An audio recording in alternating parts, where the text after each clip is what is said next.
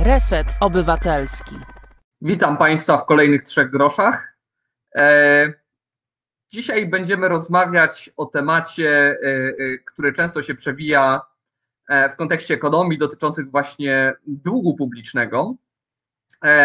I w pierwszej części, jak zwykle, porozmawiamy sobie troszkę o tym, jak ten dług publiczny działa, skąd się bierze, jak się go liczy, a w drugiej części porozmawiamy o tym, E, e, jakie to może mieć konsekwencje dla nas i, i, i czy jest się czym przejmować. E, czy grozi nam tak zwany scenariusz grecki, czy, czy raczej niekoniecznie? Jakie mogą być tego długofalowe konsekwencje? No więc zacznijmy od podstaw. Co, co to jest ten dług publiczny i skąd się bierze? No on się bierze z tego, że przeważnie jak państwo ma budżet, to ma jakieś wydatki i ma jakieś dochody. No i teraz mamy możliwość trzech e, opcji. Jedna opcja jest taka, że dochody i wydatki są sobie równe, czyli co wpłynie, to wypływa. E, I to się nazywa budżet zrównoważony. E, przykładem takiej instytucji, która jakby z góry ma założony budżet zrównoważony, to jest Unia Europejska, która ma jakby z założenia nie może wydać więcej niż to, co dostanie. Tak? To jest taka podstawowa zasada budżetu Unii Europejskiej. Może być też przypadek, że wpływy do budżetu są większe niż wydatki. To się nazywa nadwyżka budżetowa i państwo ma wtedy jakieś wolne pieniądze, z którymi no, coś musi zrobić. Co ona robi z tym? E, no, e, najczęściej takim najnowocześniejszą metodą radzenia sobie czy działania z takimi nadwyżkami budżetowymi są tak zwane e, fundusze państwowe, gdzie taki kraj bierze te pieniądze i inwestuje na przyszłość. Tak? Bardzo mało jest krajów, które takie y, coś są w stanie wypracować na dłuższą metę i w większej skali. E, I są to przeważnie kraje, które mają bardzo duże dochody ze sprzedaży jakichś surowców, na przykład. Tak? Czyli bardzo znany jest e, e, fundusz y, norweski, y, który odkłada pieniądze ze sprzedaży ropy naftowej na przyszłe wydatki, kiedy ta ropa się już skończy ale również odbywa się to w przypadku y, y, krajów y, Zatoki Perskiej, które mają takie fundusze i, i też inwestują w całym świecie. Chińczycy mają fundusz państwowy, choć niekoniecznie mają tak wielkie nadwyżki. E, więc to jest taka druga strona. Natomiast najczęstszym przypadkiem e, to jest przypadek taki, w którym wydatki są większe niż dochody do budżetu. No i w takim przypadku państwo musi pieniądze pożyczyć. E, państwo pożycza te pieniądze, e, płaci odsetki od tego długu. E, no i zazwyczaj bywa tak, że z roku na rok tych pieniędzy jest za mało i pożycza się coraz więcej, coraz więcej i ten dług publiczny jakoś tam rośnie. Bo dług publiczny to jest nic innego jak suma wszystkich dotychczasowych deficytów, a plus różne jeszcze dodatkowe rzeczy, które się tam mogą po drodze pojawić.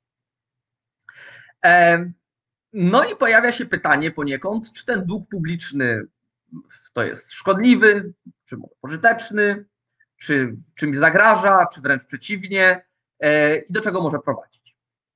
E, to, z czym nam się przede wszystkim kojarzy wysoki dług publiczny, to są tak zwane kryzysy e, finansów publicznych. Z czego taki najbardziej nam bliski ostatnimi czasy i najczęściej powtarzany to problem E, e, to kryzys w Grecji, tak, gdzie, gdzie państwo miało długi tak duże, że nie było w stanie ich obsługiwać. E, I w tym momencie no, państwo w pewnym momencie przestało być w stanie funkcjonować i konieczne były różne drastyczne reformy, pomoc zagraniczna i różne inne tego typu działania. I to nie jest przypadek odosobniony. Państwa mają tego typu kryzysy, które się czasami nazywa bankructwem państwa, choć nie jest to mm, właściwa nazwa, no bo y, bankructwo dotyczy firm, tak? Firma jak bankrutuje, to się ją zamyka. Państwo jak brakuje jej pieniędzy, to to się państwa nie zamyka. Choć w przeszłości, w średniowieczu zdarzały się takie przypadki, to znaczy jak jakieś państewko e, zalegało ze spłatami czegoś, e, jakichś swoich zobowiązań, to zdarzało się, że wierzyciele się, że tak powiem, skrzykiwali, e, organizowali jakąś wyprawę łupieżcą i odbijali sobie poprzez, poprzez okradanie tego, co się e, znajdowało na tych ziemiach, czasem to państwo wręcz likwidując czy dokonując jakiejś, jakiejś aneksji. E, no ale w dzisiejszych czasach takie sytuacje miejsca nie mają. No i jeśli takie państwo y, zdecyduje się nie wypłacać, nie oddawać swoich długów, e, no to proszę Państwa, co może wydawać być zaskakujące, to jest suwerenna decyzja takiego państwa. Tak? Na tym polega jego suwerenność, że każde państwo w każdej chwili może powiedzieć: Sorry, nie oddaję. I co mogą wierzyciele zrobić w takiej sytuacji? Ano nic. Jedyna rzecz, którą właściwie mogą zrobić, to więcej temu państwu nie pożyczyć. I rzeczywiście taka jest najczęściej scenariusz, to znaczy, e, to znaczy, że taki kraj, który, który e, przestał spłacać swoje długi, przez jakiś czas jest odcięty od rynków finansowych, bo nikt mu nie chce pożyczyć. E, I, i, i to trwa jakiś czas, w zależności od inwestorów, dłuższy albo krótszy. Weźmy przykład Polski. Tak? Polska jest takim krajem, który ogłasza niewypłacalność średnio co 50 lat. No i kiedy w 1989 y, y, roku przestaliśmy spłacać nasze długi, w scenariuszu dość podobnym do greckiego, bo długi greckie ograniczono o 50%, długi polskie również ograniczono o 50% na początku lat 90. Mm, e, e, no to inwestorzy japońscy bardzo długo żadnego polskiego długu nie kupowali, bo uznawali, że jeśli ktoś raz długu nie spłacił, to znaczy jest niewiarygodny, nie ma honoru i polski długo mijali szerokim łukiem. Dzisiaj po 30 latach jest już trochę lepiej, to znaczy już coś kupują, ale dalej bardzo ostrożnie, no bo z ich perspektywy okryliśmy się hańbą. E, ten dług publiczny, mm, który my mamy, mm, za każdym razem, kiedy on się pojawia i kiedy pojawia się dyskusja o, o nim, e, no jest dość istotnym elementem debaty publicznej ze względu na to, że, mm, e, że on kojarzy się w Polsce bardzo źle. Dlaczego on się kojarzy bardzo źle? Ano właśnie z powodu tego, e, że w latach, na początku lat 90. żeśmy zbankrutowali i, i, i no miało to poważne konsekwencje również dla naszego, dla naszego dobrostanu. E, dość pouczające jest obejrzenie tego, jak się e, kształtował poziom naszego długu publicznego e, w czasie. Przy czym przez dług publiczny przeważnie nie patrzy się, ile on wynosi w złotych, tylko ile on wynosi w stosunku do naszego PKB, czyli do naszej całkowitej produkcji. Gdyby chcieć to przełożyć na takie gospodarstwo domowe, to można powiedzieć, ile wynosi mój dług w stosunku do tego, ile ja rocznie zarabiam. Tak? bo nawet powiedzmy, że są trzy osoby, które mają po 10 tysięcy złotych długu, no to w przypadku osoby zarabiającej najniższą krajową to się wydaje być duży dług. Jak ktoś zarabia 10 tysięcy miesięcznie, no to powiemy, że ten dług to jest mały dług, który ta osoba z łatwością spłaci. W związku z czym, żeby porównywać długi, najczęściej się rozpatruje dług w porównaniu do y, PKB. I tutaj bym poprosił o pierwszy rysuneczek, taki poglądowy. E, e, przygotowany na dzisiaj, który pokazuje właśnie to, w jaki sposób e, nasz dług się zmieniał na przestrzeni rządów w stosunku do PKB. No i jak tutaj widzimy, tu mamy różnych naszych przywódców. Niestety zdjęcia są na tyle małe, że nie do końca widać, cóż to za przywódca, ale zaczyna się od Gierka, kiedy nasz dług, który tutaj jest powiedziany w walutach wymienialnych, tak, czyli taki w przypadku komunizmu, kiedy złotówka jeszcze wymienialna nie była, to był właśnie dług zagraniczny, później już złotówka jako wymienialna, to mamy całość. Tak, to jest ten słynny dług gierkowski, kiedy on zaczął mocno rosnąć, Gierek zaczął nakręcać na jego podstawie konsumpcję. E, e, e, ten dług w stosunku do PKP później początkowo spadał, ale wraz z załamaniem gospodarki wystrzelił nam i w latach 90. był kolosalnie duży, nie byliśmy go w stanie spłacić. Ten strzał w górę nie wynika do końca tego, nie wynika do końca z tego, że tak dług nam przyrósł, on wynika przede wszystkim z tego, że nam tak spadło PKB. E, później ten dług udało się w stosunku do PKB znacząco ograniczyć, głównie z tego powodu, że, e, e, że no PKB zaczęło rosnąć, tak? Złotówka się zaczęła umacniać i ten dług publiczny nam dość poważnie zjechał. Jednym z elementów walczenia z tym długiem i z tym brakiem zaufania dla polskiego państwa było umiejscowienie w konstytucji u nas zapisu, że dług publiczny nie może przekraczać 60% PKB. 60% to jest linia, nie wiem na ile Państwo widzicie, ale tutaj jest tak, e, jakby to powiedzieć, e, e, mm, no troszkę powyżej połowy rysunku, tak, jeśli by się to dało e, pokazać. E, później ten dług, o właśnie, świetnie, tutaj widać 60%, PKB, super, dziękuję realizacji, można oddalić z powrotem. To, co widzimy, to była później dość duża stabilizacja tego długu. On najniższy był za czasów rządów Buzka, później zaczął znowu troszkę nam rosnąć. E, za czasów Platformy dość znacząco to jest ten okres e, kryzysu międzynarodowego, ten początek rządów Platformy i ten dość gwałtowny przyrost długu. E, ten dług się później utrzymywał na tym podwyższonym poziomie i tu były obawy, że on uderzy w 160%. Jeśli by uderzył 60%, to znaczy, że w następnym roku w ogóle żadnego deficytu budżetowego być nie może, co by się wiązało z poważnymi zaburzeniami mm, w funkcjonowaniu państwa jako takiego. E, e, ten dług publiczny tutaj dość gwałtownie pod koniec rządów Tuska spada, ale znowu nie z powodu tego, że e, coś wydarzyło się bardzo dobrego albo żeśmy te długi pospłacali. Tutaj dla odmiany miało, mieliśmy do czynienia z kreatywną księgowością w postaci przeniesienia części OFE do ZUS-u co, spo, mm, co tak naprawdę realnie niczego nie zmieniło, ale pozwoliło trochę poprawić statystyki. Ten obniżony poziom długu utrzymał się przez rządy Ewy Kopacz, by wzrosnąć za rządów e, Beaty Szydło, no przede wszystkim na okoliczność 500.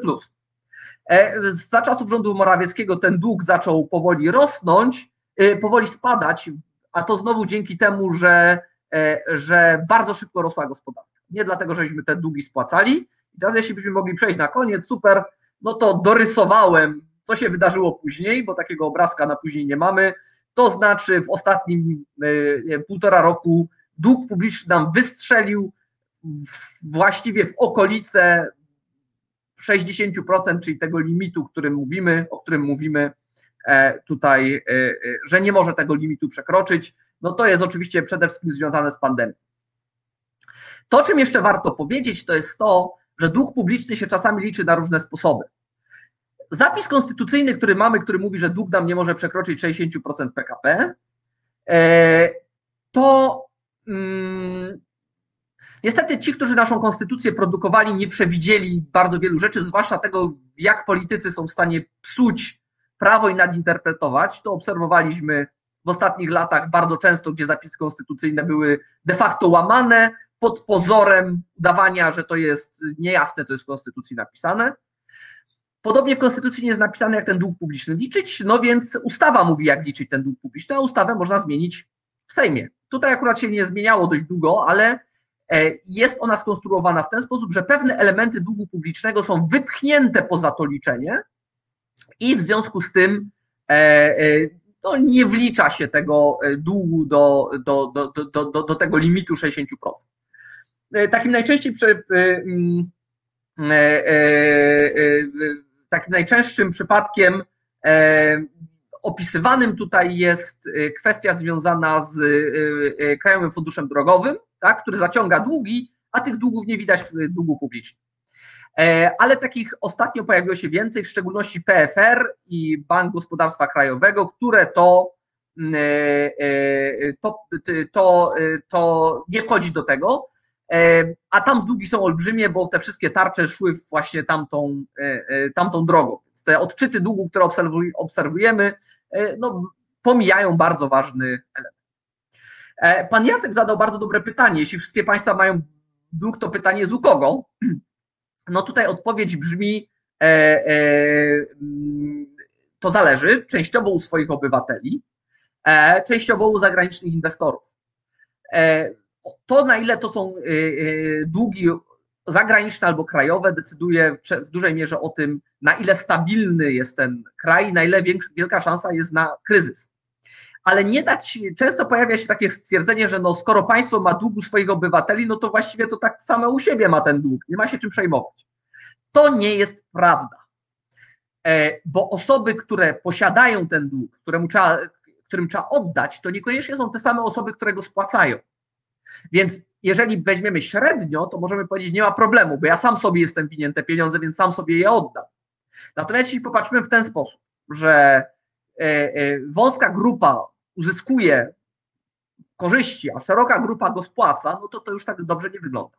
I na przykład mamy podobną sytuację w Polsce w zakresie długu, którego w ogóle nie widać w statystykach.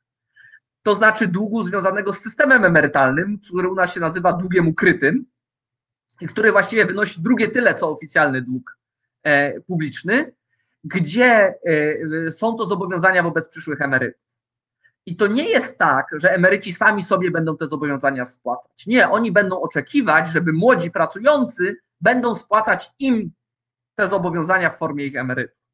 E, więc, więc ta struktura tego, kto ma czyj dług i do kogo on należy, nie jest bez znaczenia. Może mieć też znaczenie często mm, polityczne międzynarodowe. Jeśli jeden kraj posiada bardzo dużą ilość długu drugiego kraju, może mieć na niego jakiś wpływ na przykład polityczny, grożąc, że jeśli mm, na przykład nie zrobisz tego, co mi się podoba, to ja ten dług ci nie zroluję, tylko zażądam jego wypłaty, a ty mi nie będziesz w stanie oddać wszystkiego, no i w tym momencie masz problem.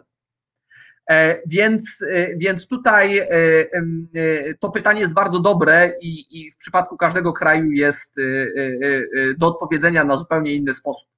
Oczywiście czasem bywa to rozwiązanie pod tytułem czy chwycił Tatar, chwycił, kto to chwycił Tatarzyna? Kozak. Chwycił Kozak Tatarzyna, a Tatarzyn za łeb trzyma. Tak, jednym z większych posiadaczy długu amerykańskiego jest, są Chiny, więc można by powiedzieć, że Chiny, Chińczycy mają w związku z tym e, duże przełożenie na to, co się dzieje w Stanach Zjednoczonych, a guzik e, i, e, i, i, i tak Stany mogą robić co chcą, a Chiny nie za bardzo mogą cokolwiek z tym zrobić, bo jeśli załamie się dolar, to też i aktywa chińskie spadną. Pani Elżbieta mówi, że płaci podatki i nie poczuwa się do tego długu, bo długi są winą rządzących.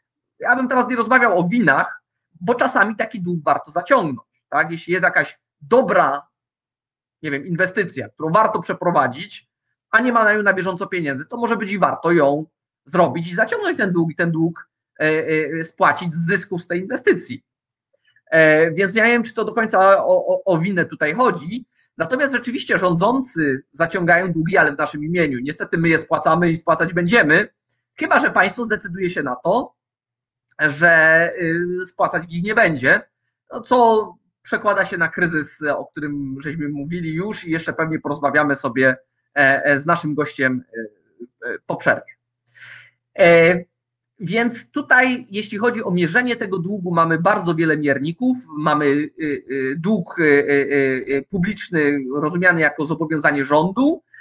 Mamy coś takiego jak dług sektora publicznego, czyli uwzględnia również w tym wszystkim nie tylko długi rządu, ale także długi samorządów, E, długi, e, długi e, jakichś agencji rządowych, choć nie wszystkich. Mamy dług rządzo, liczony według Eurostatu, czyli taki europejski, europejską, europejski przypadek długu, który bierze pod uwagę również te dodatkowe, dodatkowe agencje, których nie bierze pod uwagę nasza statystyka, ale i y, y, statystyki europejskie zaczynają się przymierzać do tego, żeby uwzględniać długi ukryte w tych wyliczeniach, czego długo nie było. Tak, y, rząd Tuska zdecydował się na przeprowadzenie tej akcji z OFE po to, żeby poprawić polskie statystyki długu, także unijne, bo Unia Europejska, w sumie można powiedzieć niewłaściwie, polski dług wobec OFE uwzględniała jako dług publiczny, natomiast y, y, dług ZUS-owski nie uwzględniała jako długu publicznego. I w tym momencie przeniesienie z OFE do ZUS-u spowodowało poprawę. Natomiast ujawnienie tego długu tutaj, e, e, którego inne kraje nie robią, no było takim brakiem możliwości porównania, tak? Bo Niemcy powiedzmy mają właściwie cały ten dług w ich nim ZUS-ie, można powiedzieć, i w związku z czym w całości tego e, długu mm, nie wykazują. Biorąc pod uwagę gwałtowne przyrosty długu, pojawiają się teraz e, pytania o to, na ile to jest do utrzymania, czy może też z drugiej strony ten dług to jest coś, czym się przejmować nie należy. Nie wiem, czy, czy Państwo pamiętają naszą, nasz pierwszy odcinek. Jeśli nie, to zachęcam do, do obejrzenia rozmowy z profesorem Gatnarem, gdzie rozmawialiśmy bardzo krótko, co prawda, o nowoczesnej e, e, e, teorii monetarnej, która mówi, że dług to nie jest żaden problem, a w ogóle ten dług w każdej chwili można umorzyć bez właściwie żadnych wpływów na realną gospodarkę. z czym można poniekąd polemizować do pewnego stopnia, nie w kontekście takim, że samo umorzenie miałoby jakikolwiek wpływ, bo by nie miało, ale, ale miałoby wpływ na przyszłe działania polityków, to znaczy oni by sądzili, że takie umorzenia będą w przyszłości, więc zadłużaliby się jeszcze bardziej, co miałoby dalsze niekorzystne efekty gospodarcze, o których sobie porozmawiamy za chwilę. Także tymczasem zapraszam na przerwę, a po przerwie e, e, e, spotkamy się z naszym gościem. Także do zobaczenia za chwilę. Słuchasz Resetu Obywatelskiego. Reset Obywatelski działa dzięki Twojemu wsparciu. Znajdź nas na zrzutka.pl. Dzień dobry, witamy pana Sławomira Dudka z forum. Ja zrobiłem słuchaczom lekkie wprowadzenie z długu publicznego, skąd się bierze, co to jest i do czego może prowadzić. No i kogoż można zapytać, jeśli nie ludzi, którzy postawili licznik długu publicznego w centrum Warszawy, który tam się kręci. E, trzeba było później jedynkę dorobić z przodu, bo, bo, bo, bo brakło cyfer, prawda? E, cyfr. I e, pierwsze pytanie, czy jest się czym przejmować? E, tak, jest się czym e, przejmować, e, ponieważ dług to jest taka zębatka czy kołowrotek z zapadką w jedną stronę. O ile można go zwiększać, i w, trzeba powiedzieć, że są sytuacje, kiedy dług jest pożytecznym instrumentem w polityce fiskalnej, o ile nie jest nadmierny i nie rośnie w jakimś za szybkim, niezrównoważonym tempie, ale to jest y, taka zapadka w, y, w, jedną stronę i takie schodki, z których trudno wrócić. I wiele krajów na świecie jakby nie zauważyło tego, że dług bardzo szybko narastał, że tempo narastania długu było bardzo szybkie i wystarczyły jeden, dwa, trzy kryzysy, gdzie dług został wybity na bardzo wysoki poziom, a później z tego poziomu jest bardzo trudno wrócić. E, bo to kosztuje wyrzeczenia, e, to, e, to wymaga mm, konsolidacji finansów, to wymaga cięć w pewnych usługach publicznych i to jest moim zdaniem bardzo, bardzo niebezpieczne. I ten poziom w Polsce, który my mamy, on się może wydawać poziom długu w relacji do PKB, bo oczywiście wszyscy liczą dług do PKB, przynajmniej w tych ujęciu, kiedy porównujemy się z innymi krajami, on e, rzeczywiście jest niższy niż e, w wielu krajach na świecie czy w Unii Europejskiej, ale jest też wiele krajów, gdzie dług jest niższy. W tym w Unii Europejskiej jest wiele krajów. No, weźmy taki przykład Japonii, gdzie dług publiczny jest e, olbrzymi od dawien dawna i tam się właściwie z tego powodu nic złego nie dzieje. Tam powyżej 100% PKB ten dług wynosi. I, i sobie jest, tak? A są kraje, gdzie ten poziom tego długu jest dużo mniejszy do PKB i następuje kryzys i, i, i niewypłacalność. To właściwie, czy ta miara do PKB ma znaczenie? Co tak naprawdę wywołuje ten kryzys, który, który później powoduje ten wariant grecki? Znaczy, kryzys, yy, bywały kryzysy w krajach, które miały niski dług w relacji do PKB. Rzeczywiście to nie jest jedyny miernik yy, i taki yy, najważniejszy, bo finanse publicznych można oceniać z wielu perspektyw, wieloma miernikami. E, ale też generalnie w większości krajów, gdzie wydarzyły się kryzysy, ten dług rzeczywiście był, był wysoki. Są również badania pokazujące, że w tych krajach, których dług jest bardzo wysoki, e, to średnio wzrost e, gospodarczy jest dużo niższy. Japonia nie jest dobrym przykładem do porównań, bo też nie możemy się porównywać do Stanów Zjednoczonych, do Niemiec, do strefy euro, do krajów, które mają własną walutę które mają e, duży zgromadzony majątek, czy to prywatny, czy państwowy, e, ale majątek, są bogatymi krajami, nie tylko w, w ujęciu właśnie PKB, bo tak naprawdę powinno się mierzyć e, też dług w ujęciu do jakiegoś majątku, tylko taki majątek w skali państwa jest trudno, trudno zmierzyć, ale na pewno jesteśmy krajem mniej majętnym niż Japonia, Stany Zjednoczone i strefa euro. Poza tym nie mamy własnej waluty. Te kraje mają własną walutę, i, i, i, te kraje mogą sobie na więcej pozwolić. Japonia to jest w ogóle. Tak, ale polski złoty. Ale polski złoty jest naszą walutą jednak. Tak, ale nie jest walutą międzynarodową.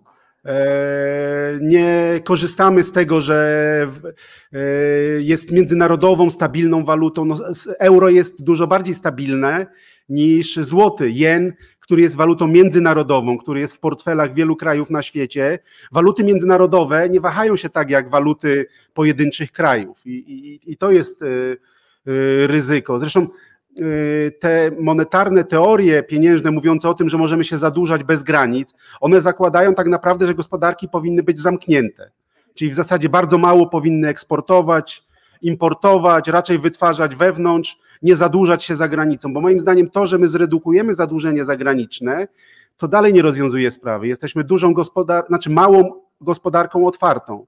E, eksport w relacji do PKB ma ogromne znaczenie. Firmy prywatne rozliczają, w ogóle gro firm w Polsce rozlicza się w walucie. Waluta ma ogromne znaczenie. Również zadłużają się w walucie, bo inwestują za granicą. Także to nie jest takie proste, żeby zamknąć gospodarkę.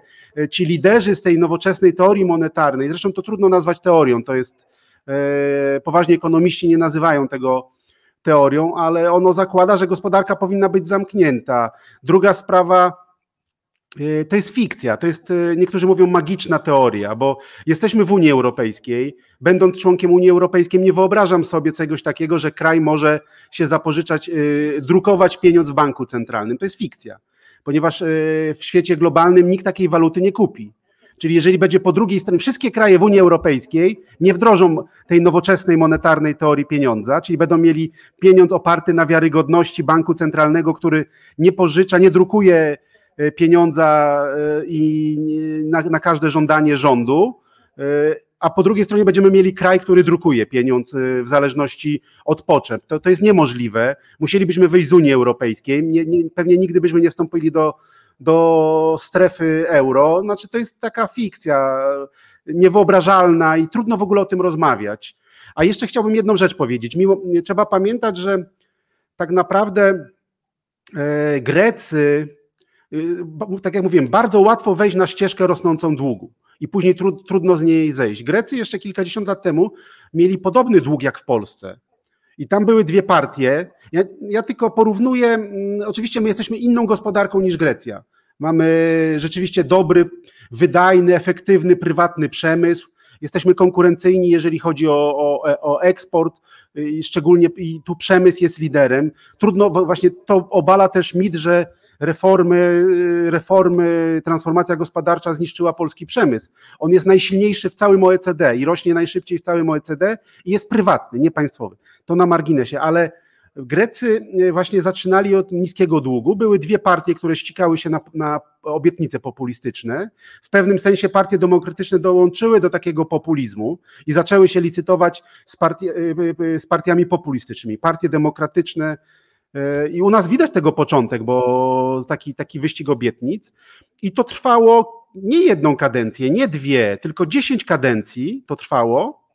I w międzyczasie wydarzyło się kilka kryzysów bo w, na świecie od y, kilkudziesięciu lat było kilka kryzysów istotnych. Był kryzys naftowy, był kryzys azjatycki, był kryzys pęknięcia tej banki internetowej.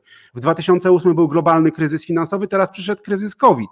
My tak naprawdę pierwszy raz recesji, takiego spadku PKB doświadczyliśmy dopiero teraz, bo nawet ten kryzys globalny finansowy przeszliśmy suchą stopą, w sensie nie było spadku PKB, było spowolnienie.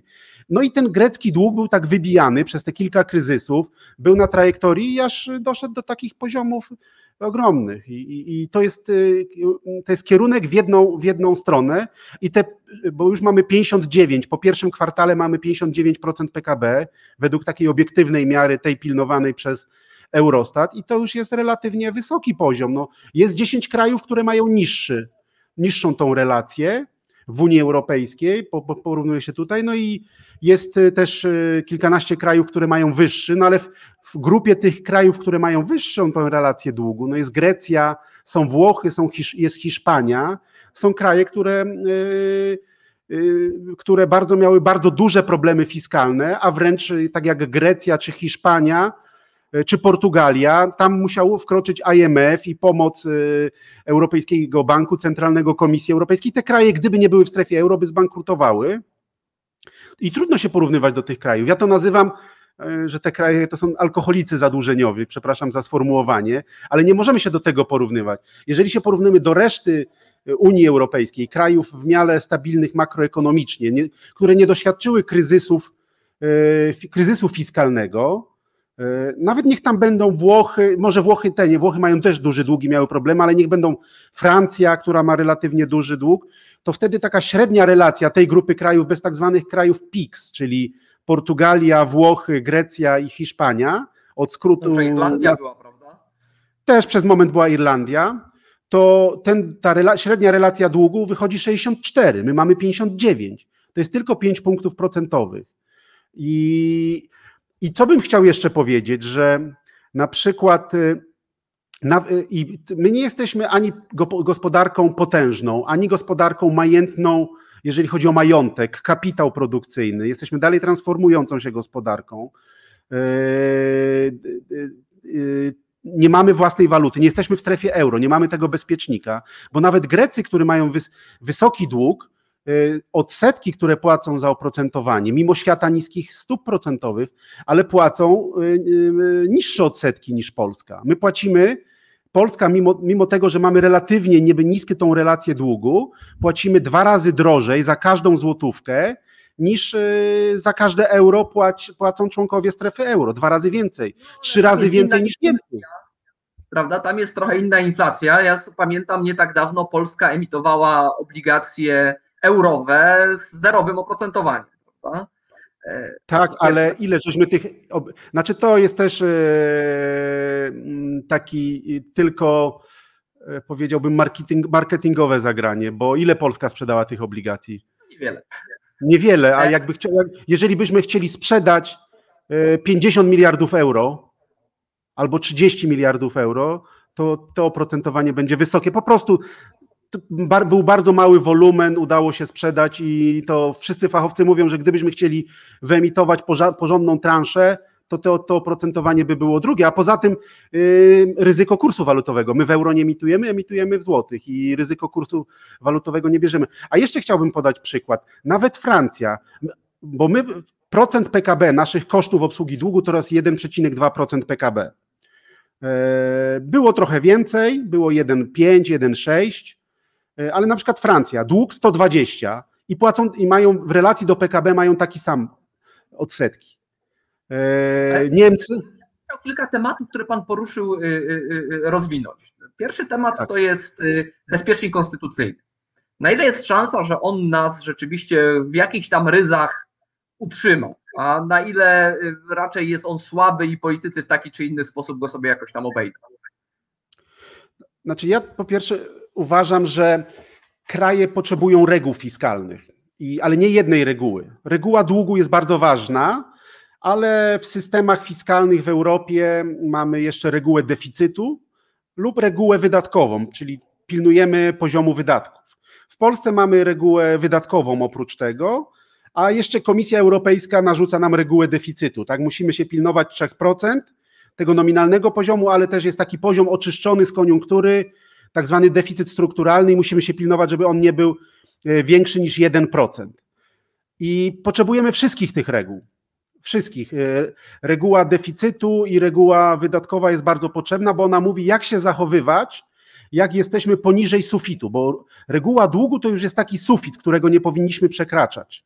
E, nie powinniśmy w bezpiecznej odległości od tego sufitu się znajdować, ale sama reguła długu nie wystarcza, bo kiedyś w Unii Europejskiej była tylko reguła długu, tak samo w Polsce. I co robiły politycy? Dopóki byliśmy daleko, no to pompowane były wydatki, aż w pewnym momencie dochodzimy do ściany i trzeba ogromne programy sanacyjne, cięcia wydatków i te dostosowania i koszty polityczne są ogromne. Dlatego e, ekonomiści już dawno wymyślili, że musimy mieć taki drogowskaz, przepisy, co robić, kiedy jeszcze jesteśmy poniżej tego sufitu. E, I Łatwiej jest, bo pewnie pan zmierza do tego, że można omijać kreatywnymi ruchami relacje długu, ale można też i omijać regułę wydatkową, można też omijać regułę deficytu. Łatwiej jest nawet omijać regułę deficytu. I, i zawsze jest ta pokusa wśród polityków, e, ale reguły, ale długu ostatecznie nie da się mm, ominąć, bo my, oczywiście rząd polski omija dług, emitując poprzez PFR i poprzez BGK, ale my przynajmniej wiemy, Wiemy, że tam emituje. Nie da się ukryć tego zadłużania. No bo dług to są obligacje, to są kredyty, to są instrumenty finansowe, które są rejestrowane nie tylko w statystyce publicznej, one są rejestrowane na, na podstawie prawa rynków kapitałowych. I zawsze będzie wiadomo, ile jest obligacji wyemitowanych przez ten czy przez inny podmiot. To jest rejestrowane, tego się nie da ukryć. To już nawet Grecy tego nie byli w stanie ukryć, być może w Afryce to się gdzieś da ukryć, ale w Europie nie da się tego ukryć. Także ostatecznie dług jest dobrą miarą, bo nie da się już jego oszukać. Da się pokombinować definicjami, ale i tak zawsze będziemy wiedzieli, jaki jest ten dług według metodologii europejskiej i to dosyć szybko.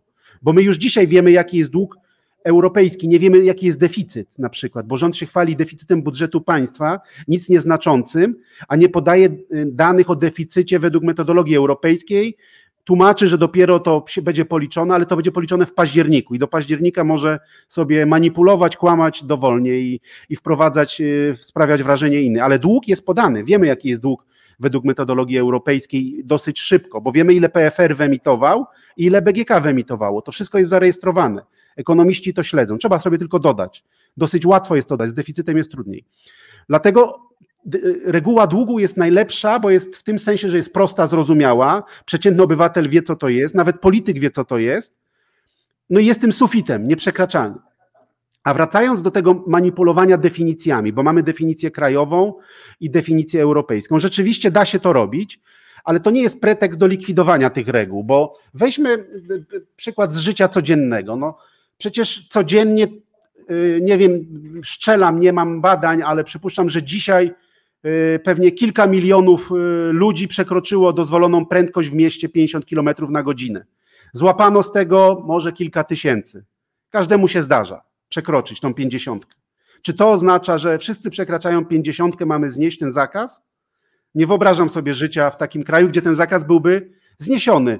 A co do omijania, to też to jest, to jest na krótką metę. Moim zdaniem rząd teraz może omijać, a ja stoję też na stanowisku, że to też będzie rozliczone, bo weźmy skrajny przypadek. Ktoś napisał konstytucję i powiedział, że dług państwa ma nie przekraczać 3 piątych PKB. To jest w konstytucji. Dał rzeczywiście swobodę, żeby w ustawie o finansach publicznych zdefiniować, co to jest dług państwa. No i rząd sobie zdefiniował i nie wlicza tam PFR-u i BGK. I teraz skrajny przypadek. Przecież możemy wykazać dług zero. Możemy wszystko przenieść do PFR-u i do BGK i ten dług państwa według definicji ustawowej będzie zero. Uważam, że to jest niekonstytucyjne. Nie może ustawa w tak sposób zdefiniować, żeby to nic nie znaczyło. Bo ustawodawca, twórcy konstytucji, jak wpisali tam dług państwa, to mieli na myśli dług państwa. Być może jakieś niuanse metodologiczne, aspekty techniczno-operacyjne, ale jeżeli ktoś wyzeruje sobie, to moim zdaniem to jest niezgodne z konstytucją. I ja uważam. Ale prokurator Piotrowicz powie, że jest zgodne. Tak, ale dług to jest zapadka, to nie tak krótko nie zejdzie. No to za 10 lat będzie to rozliczone. I minister Kościński będzie rozliczony z tego. Oczywiście sytuacja kryzysowa to jest jedna sprawa, tak? Ale w tym roku już nie ma kryzysu. No, mamy mieć wzrost 5%, mamy dostać miliardy z Unii Europejskiej i, i łamanie konstytucji i mówienie, że to przez COVID, moim zdaniem e, e, nie przejdzie i zawsze to można rozliczyć i moim zdaniem to będzie rozliczone i trzeba będzie, konstytucjonaliści się tym zajmą, czy nie nastąpiło przekroczenie, bo ja uważam, że twórcy ustawy mówili o długu państwa i obowiązkiem ministra finansów jest zrobienie takiej definicji, żeby to nie odbiegało od idei i celowości konstytucji. I przypuszczam, że minister finansów trochę się tego boi. A dlaczego? Bo na ten rok w ustawie budżetowej pokazał też tą definicję długu europejskiego. I wie pan, jaka jest tam relacja? 59,99. Dokładnie jak sobie wyliczyłem, ona się jak do jednego miejsca po przecinku, to zaokrągla się do 60, ale jednak komuś tam w resorcie jeszcze coś, e, jakaś zapadka, jakaś bezpieczeństwa, coś, coś e, się, się zapala. Ja uważam, że to jest sprawa, to nie jest taka jednoznaczna sprawa i będzie można to, jak, jak, jak zrobimy praworządność i naprawimy Trybunał Stanu, Trybunał Konstytucyjny, to, to, to, to nie będzie takie oczywiste. A to ja mam drugie pytanie, idąc jeszcze inną drogą, tak? Y, y, no bo z długiem się wiążą odsetki. No pan mówił tutaj o koszcie obsługi tego długu, czyli tych odsetkach, one spadają mimo tego, że dług rośnie. Dlaczego spadają? No dlatego, że NBP trzyma e, stopy procentowe na zerze, z grubsza rzecz ujmując. Tak mówię, mieliśmy, mieliśmy program z członkiem RPP tutaj, który też uważa, że są te stopy trzymane za nisko. Drugim efektem tego jest inflacja, która też pomaga w ograniczaniu długu, tak? no bo wiadomo, że go wartość realna długu spada w momencie, kiedy mamy wysoką inflację. E, e, jakie tu mamy niebezpieczeństwa przed sobą i czy, czy te niebezpieczeństwa tutaj istnieją? Tego, bo wygląda na to, że, że, że e, Rada Polityki Pieniężnej utrzymuje stopy procentowe nisko po to, żeby pomóc rządowi w obsłudze długu, czego już na przykład kraje ościenne nie robią, bo tam podnoszone są stopy procentowe dość gwałtownie, bardziej, bardziej niż, niż oczekiwano. Tak, e, zgadza się, że to, to się nazywa e, ta, e, strategia dominacji fiskalnej. To oznacza, że polityka monetarna jest podporządkowana polityce fiskalnej i robi wszystko tylko, żeby pomóc polityce fiskalnej. I to realizuje właśnie NBP i prezes Glapiński. I moim zdaniem Bank Narodowy czy też władze monetarne utraciły swoją niezależność i pomagają rządowi E, zresztą przedstawiciele rządu, Ministerstwa Finansów wiele razy w różnych wywiadach, wypowiedziach mówili, że inflacja pomaga rządowi. E, wyższa inflacja, są wyższe dochody, a wydatki w rocznym budżecie wydatki są zamrożone. No 500 plus jest nominalne, tak? Czy inflacja będzie tyle, czy tyle, to dalej będzie 500 plus. E, czy, ale wszelkie inne wydatki są jakby mniej więcej nominalne, stałe, a dochody zależą, VAT zależy od tego, jaka jest konsumpcja nominalna, zależy od inflacji, Wynagrodzenia w ślad za inflacją też tylko nominalnie rosną, bo realnie bardzo słabo rosną, czyli też PIT rośnie i podatek dochodowo od osób fizycznych rośnie, czyli to pomaga rządowi. No i ten mianownik, o którym Pan mówi, bo liczymy w relacji do PKB. Im wyższa inflacja, to ten mianownik PKB nam rośnie i te, pozornie ten dług w relacji do PKB jakby się spłaca tą inflacją, tylko że właśnie utrzymy, mamy y, utrzymywanie tych zerowych stóp procentowych przy najwyższej inflacji w Unii Europejskiej, z Węgrami co miesiąc patrzymy na rankingi i z Węgrami się ścigamy, kto ma wyż, kto jest na pierwszym miejscu, raz Polska, raz Węgry. Wiesz, Ale Węgry e, podnoszą. A Węgry już podnoszą. No i to powoduje, że rzeczywiście to pomaga budżetowi, ale tylko to nie jest za darmo, bo e, to, to jest, za to płacą podatnicy, bo e, wysoka inflacja plus zerowe stopy procentowe, no to, to, jest, to oznacza, że nasze depozyty w złotych w, gotu, depozyty, lokaty w, zło, w złotych, w, czy też w, w złotówce, czy też pieniądze trzymane w gotówce w domu, bo też tak się zdarza, one po prostu tracą, tak? 4-5% w ujęciu rocznym. To w, w skali roku to, to są dziesiątki miliardów złotych strat. E, I to jest taki podatek inflacyjny. Po prostu my płacimy za to, obywatele tak po cichu, ukrycie, bo to nie jest tak wyraźne, jak nie wiem, nagle by ktoś podwyższył podatek e, z 17 do 25, chociaż to się dzieje, bo składka zdrowotna jest dodawana. I tutaj widzimy, jaka jest zadyma i głośno o tym, a podatek inflacyjny w zasadzie tych miliardów zabiera dużo więcej, ale robi to po cichu i rząd na tym korzysta.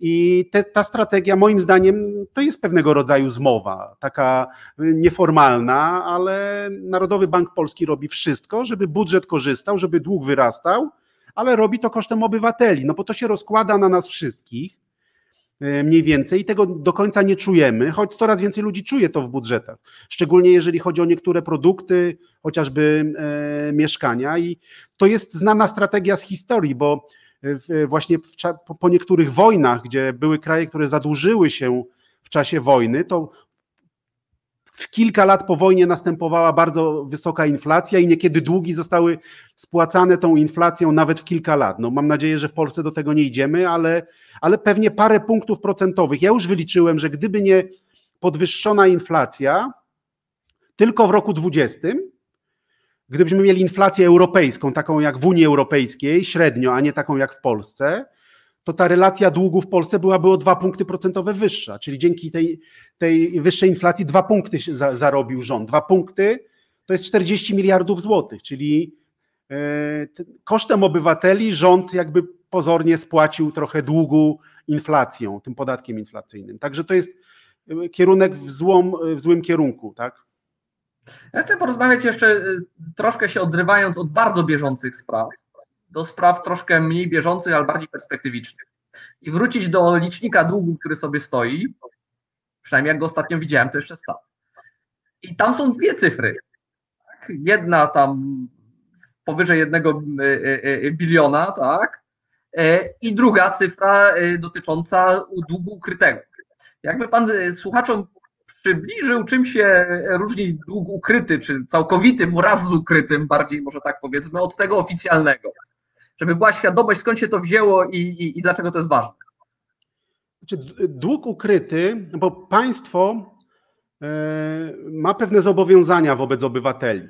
E, największym zobowiązaniem wobec obywateli jest oczywiście emerytura w polskim systemie e, prawnym. Zresztą każdy z nas może wejść sobie na konto w ZUS-ie, jest tak, PUE, tak, jest ten taki profil elektroniczny, usług elektronicznych w ZUS-ie. Każdy może się tam poprzez profil zaufany zalogować i można zobaczyć, ile się zgromadziło tych składek, e, e,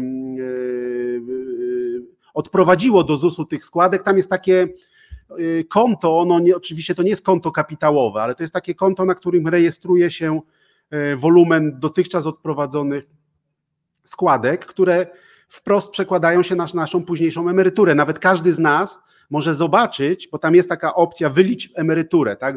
Można zaznaczyć opcję, że będę zarabiał tak jak dzisiaj do wieku emerytalnego, albo dzisiaj zaprzestanę. Można sobie powypełniać te pola i e, ten program w ZUS-ie obliczy każdemu z nas emeryturę. Czyli jest pewnego rodzaju zobowiązanie państwa do tego i jeżeli byśmy sumowali to zobowiązanie i przeważnie tym długo ukrytym wlicza się właśnie te zobowiązania emerytalne, no to Y, to powstaje dług ukryty. I, to Eurostat zaczął liczyć, przy czym to jest miara, bo ona, te, te liczby dług ukryty to tam jest 400%, w niektórych krajach 600%, nawet chyba nie wiem, czy w niektórych nie ma 1000% y, procent i tak dalej. To są wielkie, wielkie kwoty. W Polsce relatywnie dług ukryty nie jest duży. W porównaniu, on jest duży, tak jakby porównać do tego zwykłego 60%, ale w porównaniu do innych krajów wypadamy lepiej, bo my zreformowaliśmy system emerytalny. Oczywiście była kwestia tego kapitałowego systemu, to jest jedna sprawa, ale oprócz prowadzenia kapitałowego systemu emerytalnego, wprowadzony też został system tak zwanej zdefiniowanej składki, y, polegający na tym, że emerytura zależy od takiej od globalnej kwoty składek wprowadzonej, y, odprowadzonej do ZUS-u. To jest takie zobowiązanie. mamy taki ogólnospołeczny narodowy trust, zbiera, e, e, sprawdzamy, liczymy, ile wprowadziłeś do systemu, dokładnie, co do złotówki, i później na podstawie tego, ile ty wprowadziłeś, wypłacamy ci emeryturę. A w innych krajach mamy, to się nazywa Defined Contribution System, system zdefiniowanej składki. I te systemy, one są o tyle lepsze od innych. Oczywiście kapitałowy filar jest bardzo ważny, ale ten, to też w 1999 roku również wprowadzono system zdefiniowanej składki. Ten ZUS obecny jest dużo lepszy niż ZUS sprzed 99 roku, bo wtedy mieliśmy niewydolny system zdefiniowanego świadczenia. Wtedy emerytura była wyliczana w sposób polityczny. Te parametry wyliczania emerytury w ogóle nie uwzględniały tego, ile składek ktoś odprowadził w ciągu życia. Zależały, nie wiem, od 10 najlepszych lat e, kariery zawodowej. Także to zupełnie było nie, niespójne z tym systemem. Dlatego system zdefiniowanej składki jest bardziej nowoczesny od tych innych systemów w innych krajach mimo tego, że tam zredukowaliśmy część kapitałową, ale dalej to jest i tak lepszy system niż system zdefiniowanego świadczenia, bo w tamtych krajach y, rzeczywiście te problemy z długiem ukrytym i z efektem starzenia się społeczeństwa są dużo większe, no ale tylko, że nasz system powoduje to, że emerytury będą niskie. Tak? To powoduje, że w Polsce stopa zastąpienia no, będzie wynosić 40%, y, tak? a, a, a optymistycznie, a nawet między 20 a 30 i to powoduje, że te zobowiązania rządu w przyszłości są y, relatywnie mniejsze, ale też trzeba je, je mierzyć, ale to jest jedna z miar, także y, ważna miara, mm, trzeba patrzeć na długi okres, ale tych miar jest dużo, dużo więcej, takich miar długookresowej stabilności y, finansów publicznych z uwzględnieniem tego, tych efektów starzenia e, się e, społeczeństwa. No myśmy tu mieli program z, panu, z panią profesor Janną Tyrowicz, trochę żeśmy rozmawiali też na ten temat, prawda, że e, te niskie emerytury doprowadzą de facto, można powiedzieć, do systemu emerytury obywatelskiej, gdzie przytłaczająca większość osób będzie de facto otrzymywać najniższą emeryturę i jakaś tam niewielka grupa trochę większą niż minimalną emeryturę.